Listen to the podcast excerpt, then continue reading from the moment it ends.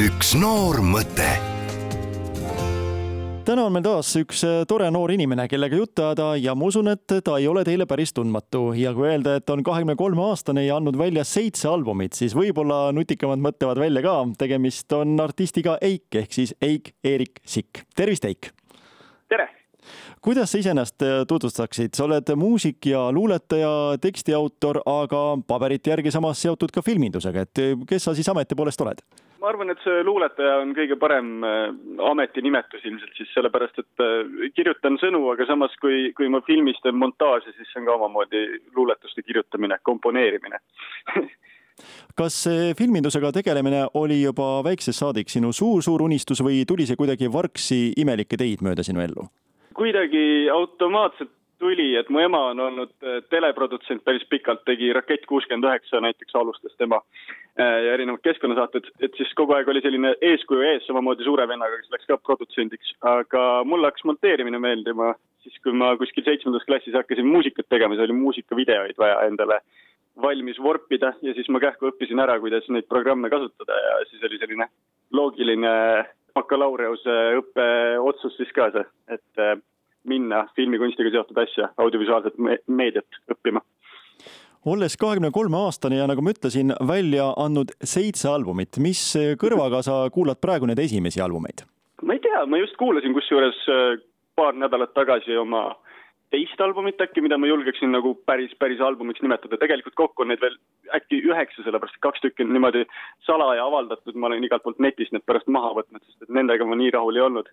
aga väga suure naeratusega kuulasin seda Äratuskella plaati, mis kunagi välja tuli, sellepärast et äh, koos publikuga arenemine on, ma arvan, mu kõige suurem trump olnud, et ma väga varakult alustasin ja sain kogu aeg katsetada avalikult, nii et teised andsid kohe tagasisidet ja need esimesed lood ei ole kindlasti nii piinlikud, et praegu ei tahaks üldse kuulata.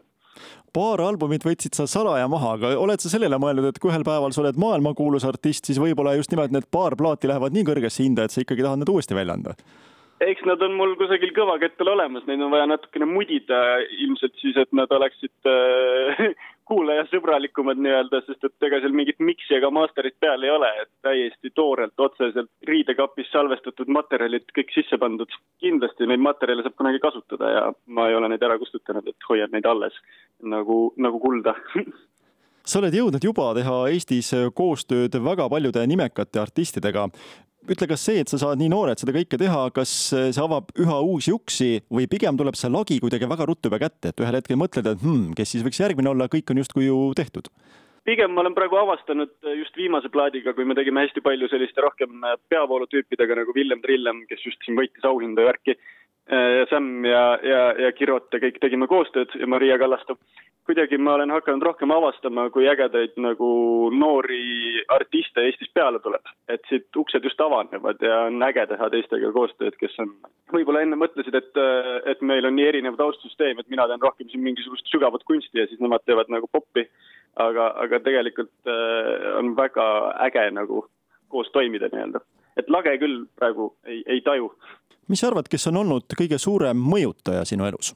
ma arvan ikkagi muusika, mida ma olen kuulanud, kunst, mida ma olen äh, kogenud, et mis on päriselt liigutanud, ilmselt siis mingid Jarek Kasari või Tage või Vaiko Epliku mingisugused äh, palad ikkagi, mis on hinge läinud.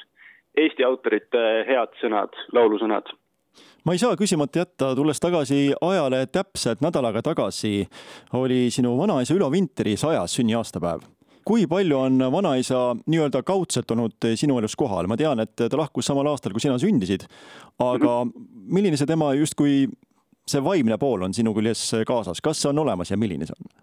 ma ei tea, nii palju, kui ma olen kuulnud tema kohta, siis, siis nagu mingisugused iseloomujooned on kindlasti sarnased, millega ma samastaksin tema puhul, et on räägitud, et ta oli pigem selline askeetlik või et ei meeldinud, meeldis rutiin ja ei meeldinud nii väga reisida, isegi kui võimalus tollal tekkis püsis oma selles ringis nii-öelda, kus tal oli hea luua ja keskenduda ja samamoodi mul endal. ja mingisugune loodusarmastus oli tal kindlasti, ta seal Käsmus elas oma viimastel aastatel väga palju.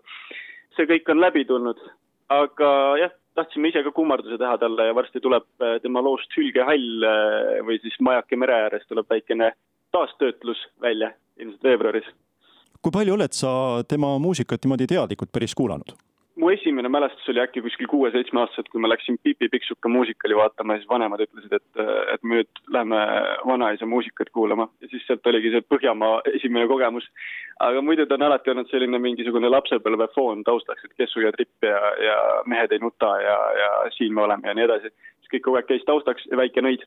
aga sellist teadlikku kuulamist, ma ei teagi, ma olen alati nagu väga uhke olnud, kui ma saan teada, et miski on mu vanaisa looming, aga ma ei ole ise selline fanatt nagu paljud teised Eesti muusikud, ma tean, on tema nagu loomingu suhtes, et ma ei ole nagu süvitsi hakanud uurima, et mis seal kõik veel peidus on paljudel on see võimalus olemas ka päriselt silmast silma kohtuda, esitada küsimusi, paljudel enam mitte. kas sa soovitad teistel enda vanustel näiteks uurida seda, mis on kunagi olnud, rääkida vanavanematega, uurida nende lugu või mm., või ongi iga põlvkond enda nägu ja ei pea väga palju minevikusse sorima, kuidas sina arvad? Võib-olla ma ise olen kuidagi laisk olnud selles suhtes, et ma ei ole nii palju uurinud, mis mu perekonna või suguvõsa taust nii, nii väga on. aga ma arvan, et sellel on mingisugune väärtus. see, see on äh, võib-olla see läänelik mõtlemine, et, et vana tuleb äh, maa tasa teha, et siis saab sinna uued asjad peale ehitada. ma ei tea, ma ei oska ettekirjutusi teha, kindlasti. kui huvitab, siis tuleb tuleb uurida, aga ma ise tunnen ennast nagu kuidagi vabamana siis, kui ma äh, mõtlen, et, et ma olen mina ise, mitte et ma sõltun sellest, mis on mu ajalooline nagu suguvõsa taust.